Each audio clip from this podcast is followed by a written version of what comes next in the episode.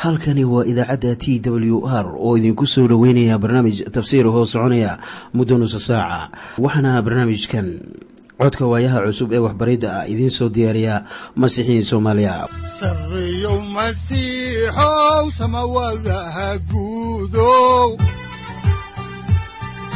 siraadkii adduunkow subanaha eebow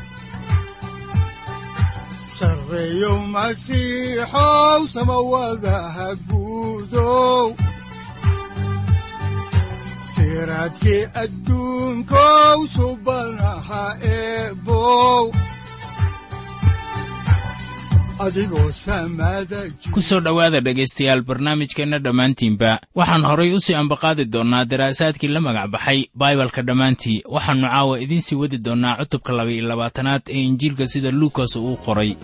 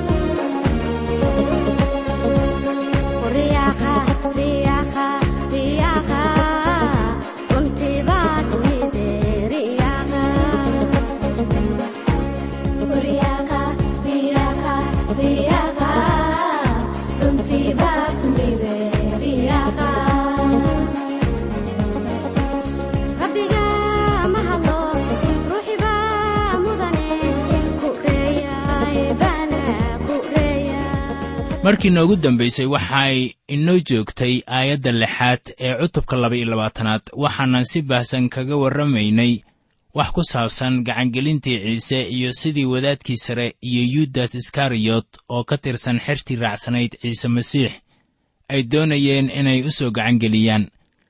Markaasuu yudas ballanqaaday inuu soo gacangelinayo waxaanay sugeen inta ay dadku ka kala yaraanayaan.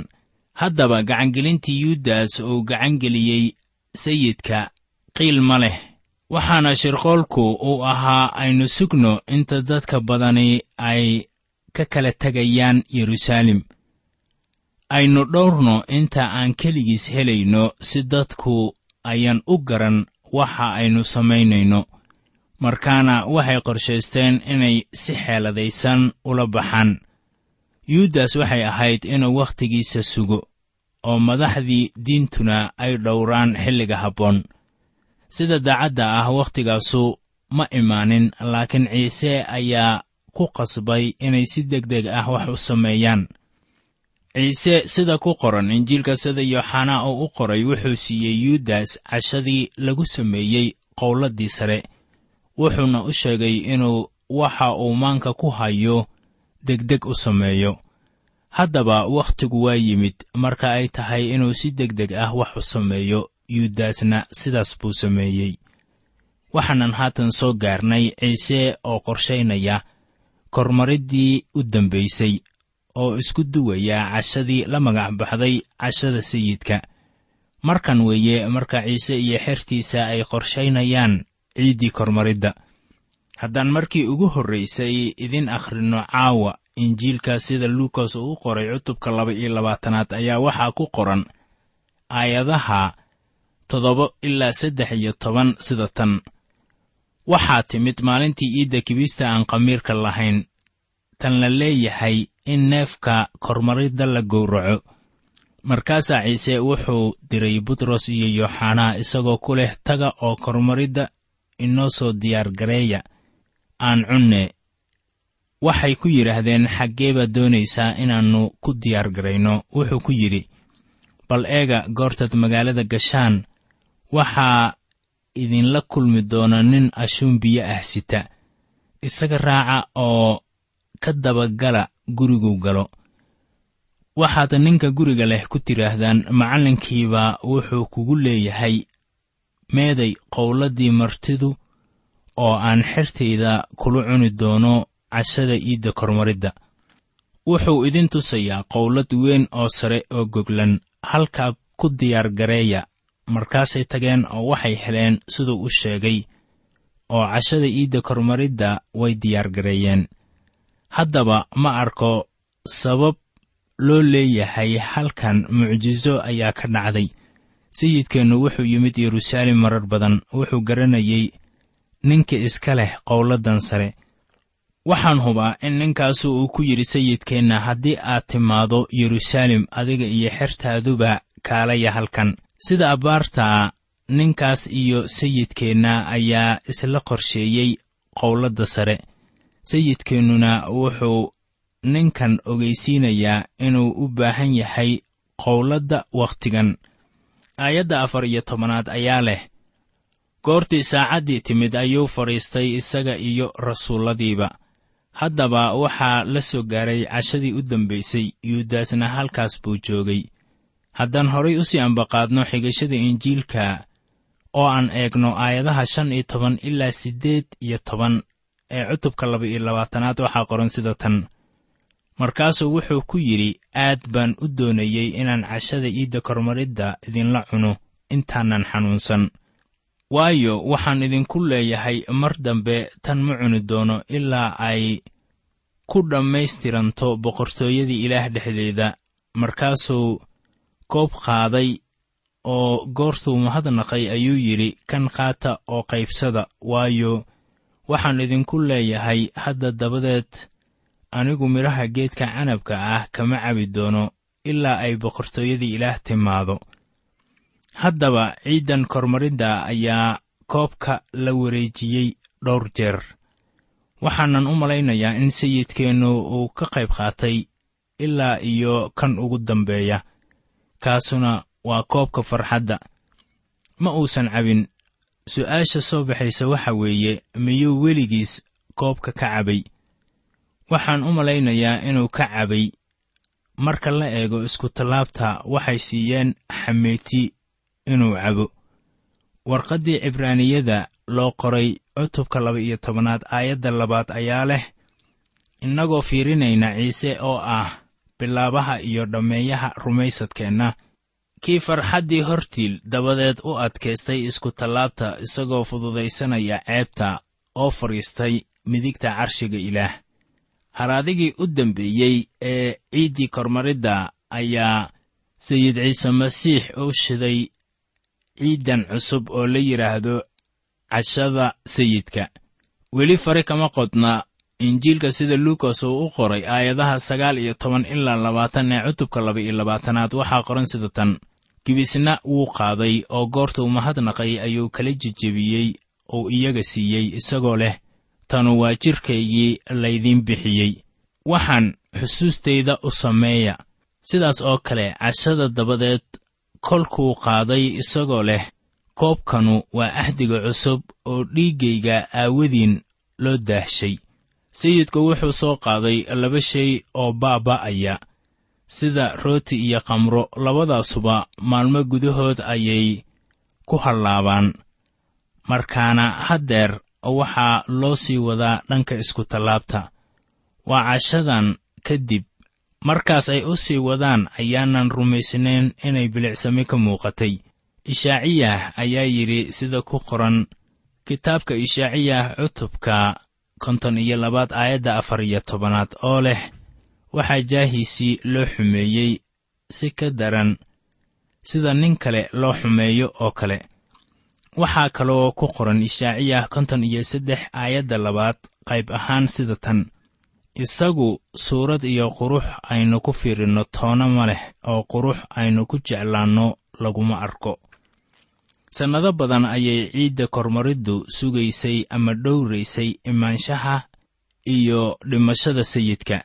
Waxaana haatan la soo kaamilayaa cashada kormaridda waxaannu isku soo urursannaa miiska rabbiga oo niyadaheenna iyo qalbiyadeennana isagaan hor dhignaa. Haddaba waxa aynu ku samaynayno miiskan waa xusuustiisa waxaanan xusuusanaynaa wixii uu inoogu sameeyey iskutallaabta waxaanan dhowraynaa imaatinkiisa labaad. Waxaa ku qoran warqaddii koowaad ee rasuul bawlos uu u qoray dadka korintos cutubka kow iyo tobanaad aayadda lix iyo labaatanaad sida tan. Waayo mar alla markaad kibistan cuntaan oo aad koobkan cabtaan waxaad muujinaysaan dhimashada rabbiga ilaa uu yimaado haddaan horay idinku sii ambaqaadno injiilka sida luukas uu u qoray cutubka laba iyo labaatanaad aayadda kow iyo labaatanaad ayaa waxaa qoran sida tan. Laakiin eega gacanta kan i gacangelinaya miiskay ila saaran tahay. Haddaba sidaannu horay idinku sheegnay yuudas uu la joogay. Haddaba waxaa jira kuwa rumaysan in yuudas uu tegay intuuna sayidku la wadaagin xertiisa kibista iyo khamriga oo labaduba ay u taagan yihiin jidhkiisa iyo dhiiggiisa. Kol dhow la daadin doono. Waxaanan garanaynaa in yooxanaa uu inoo sheegay wixii sayidka uu ku yidhi yuudas markii uu u dhiibay maraqii cashada. Wuxuuna ku yidhi dhaqso u samee waxa aad doonayso inaad samayso. Waxaana taasu ay ku qoran tahay yooxanaa cutubka saddex iyo tobanaad aayadaha laba iyo labaatan ilaa saddex iyo labaatan. Haddaan horay u sii wadno xigashada oo aan eegno injiilka luukos aayadaha laba iyo labaatan ilaa saddex iyo labaatan ee cutubka laba iyo labaatanaad waxaa qoran sida tan. Waayo wiilka aadanuhu waa baxayaa sidii loo gooyey. Laakiin hoog waxaa leh ninkaas gacangelinaya markaase waxay bilaabeen inay dhexdooda isweyddiiyeen midka waxaan yeeli doona waa kuma. Haddaba waa mid kasta oo ka mid ah xerta wuxuu rumaysnaa inuu awood u leeyahay ama ay ka suurowdo inuu ama gacangeliyo ama dafiro. Xitaa adigu haddii aad daacad tahay waxaad garanaysaa inaad adiguba gacangelin karayso sayidka haddaannu gacantiisa igu haynin waa suuragal in daqiiqadaha xiga aan dafiri karo. Ilaah baa mahad leh kaasoo gacanta igu haya taasaanan ku rayraynayaa haddaan horay u sii ambaqaado injiilka sida luukas uu qoray oo aan eego aayadda afar iyo labaatanaad ee cutubka laba iyo labaatanaad waxaa qoran sida tan. Dhexdoodana waxaa ku jirtay dood ku saabsanayd midkood lagu tirinayo inuu ugu weyn yahay haddaba nimankan garanayay sida laysku hoosaysiiyo ayaa welibana lahaa hawo adduunyo oo ku aadan kan u sarraynaya. Miyaa taasi qiyaasi kartaa marka ay ku hoos jiraan? Hooska iskutallaabta ayaa nimankan waxay u dagaalamayaan jago. Waxaan taasi ku arkaynaa dunideenna maanta in qolyaha diimaha ay jago ku dagaalamaan. Haddaba quduusiinta qarnigeenna ayaa wax ceenkaas ah iska beddelin ama ka duwanayn rusushaas. Haddaan injiilka hore ugu sii soconno oo aan eegno aayadaha shan iyo labaatan ilaa toddoba iyo labaatan ee cutubka laba iyo labaatanaad waxaa qoran sida tan. Markaasuu ku yidhi qurumaha boqorradoodu ay u taliyaan iyaga kuwa xukun ku lehna waxaa la yidhaahdaa wanaagfalayaal idinkuse sidaas ma ahaan doontaan laakiin kan dhexdiinna ugu weyn ha noqdo sida kan ugu yar. Kan u sarreeyaana ha noqdo sida kan adeega. Waayo keebaa weyn ma kan cuntada u fadhiyaba mise kan adeega? Miyaannu ahayn kan cuntada u fadhiya. Aniguse sida kan adeega ayaan idin dhex joogaa sayidku wuxuu u sheegayaa inuu qaatay jago hoosaysa taasina waa waxa uu sameeyey markii uu qaatay booskayga isagoo iskutallaabta ku qodban haddaan horay idinku sii wadno injiilka sida luukas uu qoray aayadaha siddeed iyo labaatan ilaa soddon waxaa qoran sida tan. Idinku waxaad tihiin kuwa ila sii joogay markii lay jarribay. Waxaan idin yeelayaa boqortooyo sida aabbahay uu iigu yeelay si aad wax ugu cuntaan oo uga cabtaan miiskayga oo boqortooyadayda ku jira oo waxaad ku fadhiisan doontaan carshiyo idinkoo xukumaya laba iyo tobanka qolo oo israa'iil. Waxaan hubaa in rasuulladu ay boos wacan ka helayaan boqortooyada. Waxay owdayaan waxa u dhexeeya axdigii hore iyo axdiga cusub waxay kaloo wax la cuni doonaan oy wax la cabi doonaan sayidka. Haddaan horay ugu sii soconno aayadaha soddon iyo kow ilaa laba iyo soddon waxaa qoran sida tan. Simonow simonow ogow shayddaanka ayaa ku doonay inuu ku haadiyo sida sarreen laakiin waan kuu baryootamay si aan rumaysadkaagu u baabbi'in adiguna goortaad hadaysantid walaalaha adkee haddaba marka sayidku uu leeyahay goortaad hadaysantid ayuu ula jeedaa daahirsanaatid ama niyadda iyo qalbigu beddelmaan oo iimaankiisu siyaado laakiin haatan weli niyaddii daahirsaneed ma helin. Sayidkuna waa ogaa in butros uu diidi doonay ama inkiri doonay. Haddaan horay idinku sii wadno injiilka ayaa waxaa ku qoran aayadaha saddex iyo soddon ilaa siddeed iyo soddon ee cutubka laba iyo labaatanaad sida tan. Markaasuu wuxuu ku yidhi sayidow diyaar baan u ahay inaan kuu raaco xabsiga iyo dhimashadaba. Isaguse wuxuu ku yidhi waxaan kuu sheegayaa butrosow maanta diiqu ciyi maayo ilaa aad saddex kol i dafirtid inaad i wuxuuna ku yidhi goortaan idin diray kiishadla'aan iyo qandilla'aan iyo kabala'aan wax ma u baahnaydeen? Waxay yidhaahdeen maya waxba. Markaasuu ku yidhi laakiin haddeer kii kiishad qaba ha qaato. Sidaas oo kalena qandi ha qaato. Kii aan midna qabinna dharkiisa ha iibiyo oo seef ha iibsado. Waayo waxaan idinku leeyahay waa inuu igu dhammaado qorniinkan leh. Waxaa isaga lagu tiriyey sharcilaawayaasha. Waayo waxaa igu saabsani dhammaad bay leeyihiin. Markaasay waxay yidhaahdeen sayidow bal eeg laba seefood ayaa halkan yaalle eh.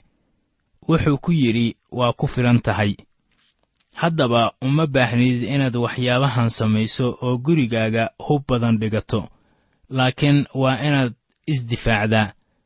Haddaan faalladii hore intaasi uga baxno ayaannu haatan eegaynaa maaddadan kale ee ah ciise oo aadaya beertii getsimaane getsimaane ma ahan meel ciyaar ciyaar ah. Waa meel aynaan innagu soo geli karin. Ciise masiix wuxuu xertiisa kaga tegay beerta bannaankeeda ciise masiix isagaa qaatay xanuunyadeennii iyo murugadeennii waxaanan aragnay xanuunka uu koobku leeyahay. Waa kan uu dhowaan ka cabi doono e.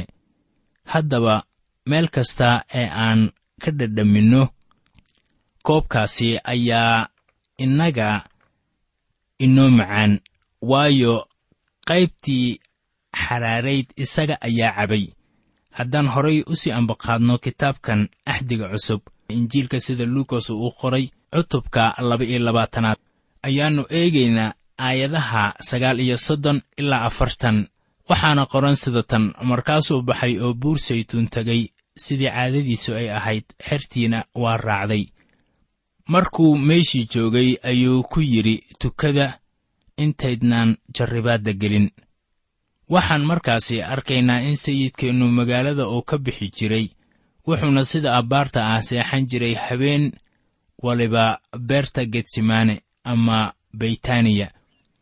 Guushii iskutallaabta waxaa lagu gaadhay getsimaane soo arki maysid bilowga howsha wacdiska ee sayidkeenna ayaa shayddaanku u yimid oo uu jarribay.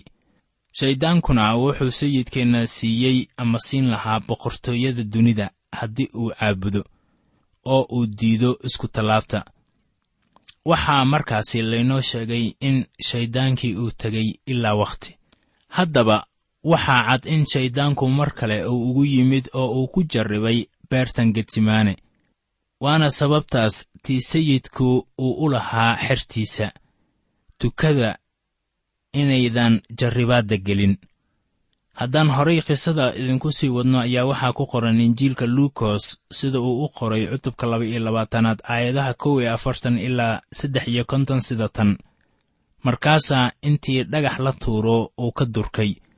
Wuuna jilbo joogsaday oo tukaday isagoo leh aabbow haddaad doonaysid koobkan iga foge hase ahaatee doonistaydu yaanay noqon taaduse ha noqoto markaasaa waxaa samada ka muuqatay malaa'ig isaga xoogaynaysa isagoo aad u xanuunsan ayuu dadaal ku tukaday. Dhididkiisuna wuxuu noqday sida dhibicyo dhiig ah oo dhulka ku dhacaya.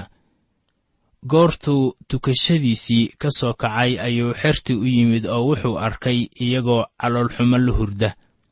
Markaasuu ku yidhi maxaad u huradaan kaca oo tukada inaydnaan jarribaadda gelin.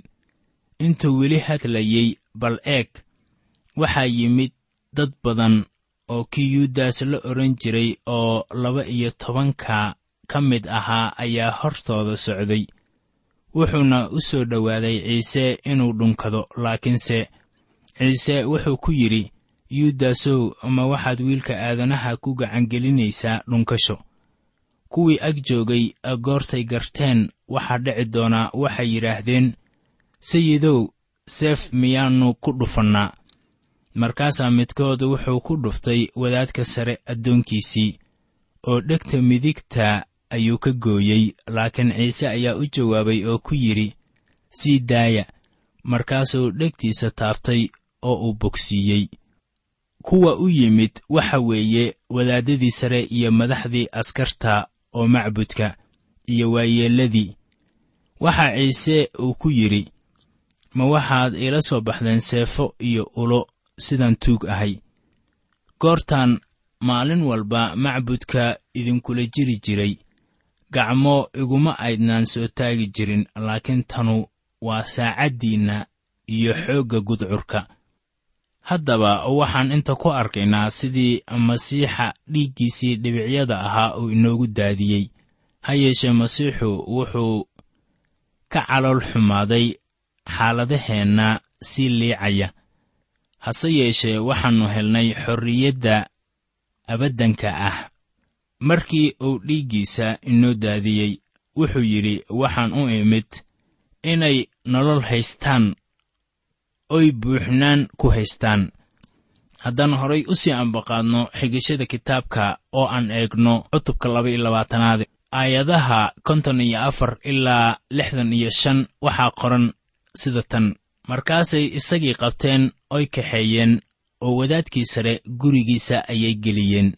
Laakiin butros baa meel fog ka daba socday oo goortay barxadda dabadeeda dab ka shideen oo ay wada fadhiisteen ayaa butros dhexdooda fadhiistay laakiin gabar baa intay aragtay isagoo dabka iftiinkiisa fadhiya aad u eegtay oo tidhi kanuna waa la jiray isagii. Isaguse waa dafiray uu ku yidhi naag yahay anigu garanba maayo isagii. Waxoogaa yar dabadeed qof kale ayaa arkay oo yidhi adiguna midkood baa tahay. Butros baase yidhi nin yahow anigu ma ahi goortii saacad ay dhaaftay mid kale ayaa adkeeyey isagoo leh run weeye kanuna waa la jiray waayo waa reer galilii laakiin butros wuxuu ku yidhi nin yahow anigu garan maayo waxaad leedahay. Kolkiiba intuu weli hadlayey diiqii baa ciyey. Markaasaa rabbigu uu soo jeestay oo butros eegay. Butrosna wuxuu xusuustay hadalkii rabbiga siduu ku yidhi maanta intaannu diiqu ciyin saddex kol ayaad i dafiri doontaa. Markaasuu dibadda u baxay uu aad u ooyey. Nimankii ciise qabtay way ku kajamayeen oy garaacayeen oo intay indhaha ka xidheen ayay weyddiiyeen oy ku yidhaahdeen noo sheeg yuu yahay kan kugu dhuftay. Wax badan oo kalena ayay ku lahaayeen iyagoo caayaya. Haddaba wadaadkii sare ayaa ciise geeyey gurigii annas waxay ahayd sharci darro in masiixa la eedeeyo iyadoo aan maxkamad la hor keenin. Laakiin way sii haysteen ilaa ay hor keeneen shirkii golaha sanhedirinta oo ah toddobaatanka oday ee reer banu israa'iil xukuma. Soo arki maysid inay isaga soo qabteen ka hor wakhtigii ay ugu tala galeen tan xiisaha leh waxa weeye inaanay iyagu damacsanayn inay sidaas degdegta ah u soo qabtaan. Waxaa laga yaabaa in yuudas uu u yimid uu ku yidhi haddii aad doonaysaan inaad qabataan haddeerba soo qabta iyadoo ay la tahay inuu magaalada ka bixi doono. Laakiin sayidku sidaa ma uusan doonayn oo magaalada inuu ka baxo innaba iskuma dayin. Haddaba miyaad garanaysaa waxyaabihii sharcidarrada ahaa ee ku jiray maxkamaddii ciise. Madaxdii diinta ayaa waxay u qabteen isaga inuu jebiyey sharcigii muuse. Welibana iyaga ayaa jebiyey markii ay maxkamad soo taageen goor habeen ah oo ay go'aan gaareen isla maalintii ciise maxkamadda la soo taagay taasoo welibana sharcidarro ahayd. Haddaan horay idinku sii wadno kitaabka ayaan haatanna waxaan eegaynaa aayadaha lix iyo lixdan ilaa kow iyo toddobaatan.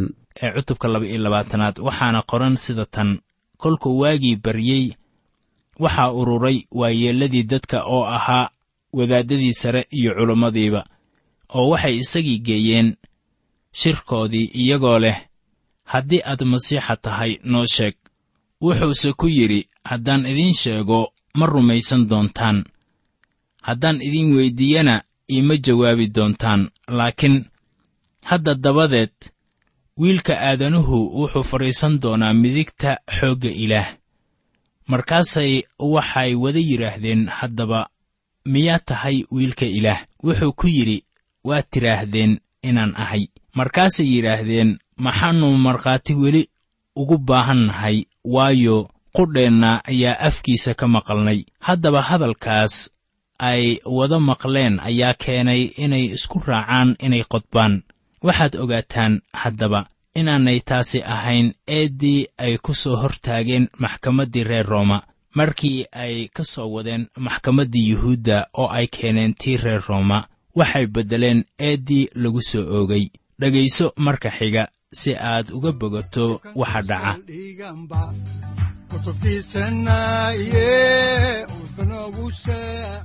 halkani waa t w r idaacadda t w r oo idinku leh ilaa ha idin barakeeyo oo ha idinku anfaco wixii aad caawi ka maqasheen barnaamijka. Waxaa barnaamijkan oo kalaa aad ka maqli doontaan habeen dambe hadahan oo kale haddiise aad doonaysaan in aad fikirkiina ka dhiibataan wixii aad caawi maqasheen ayaad nagala soo xiriiri kartaan som t w r at t w r c o k e haddii aad doonaysaan in aad dejiisataan oo kaydsataan barnaamijka ama aad mar kale dhegaysataan fadlan mar kale booqo www t w r o r g amase waxaad teleefoonkaaga ku kaydsataa ama ku download garaysataa agabyada ku sahli karaa dhegeysiga t w r haddii aad doonayso in laga kaalmeeyo dhinacyada fahamka kitaabka amase aad u baahan tahay duco fadlan fariimahaaga soo mari bogga aaraahda ama kommentska inana jawaab degdeg ah ayaanu ku soo diri doonaa amase ku siin doonaaye